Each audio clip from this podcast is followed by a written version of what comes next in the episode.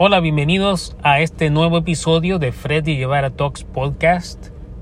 Soy su host, Freddy Guevara. Ya hablamos sobre la importancia de adquirir una mentalidad ganadora, una mentalidad empresarial para tener éxito a nivel profesional y personal. En este episodio te voy a decir lo que puedes hacer para adoptar esa mentalidad empresarial, esa mentalidad de negocios para tu propio crecimiento y desarrollo.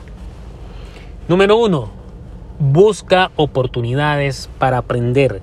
Una persona que tiene mentalidad emprendedora, una mentalidad empresarial de negocios, siempre anda buscando oportunidades para aprender, porque sabe que a través del aprendizaje puede seguir creciendo y puede seguir desarrollándose.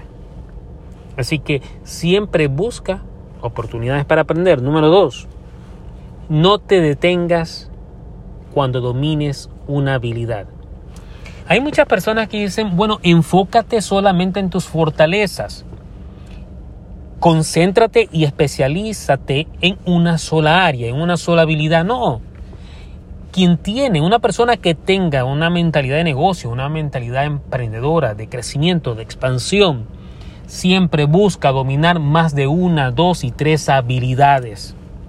Siempre y cuando tengas el deseo y el talento y la fuerza como para seguir aprendiendo y desarrollándote, sigue desarrollando, sigue aprendiendo nuevas habilidades que te permitan hacer tu trabajo mucho más efectivo y eficiente y que te permitan ser esa base sólida para desarrollar incluso tus propios negocios. Número 3.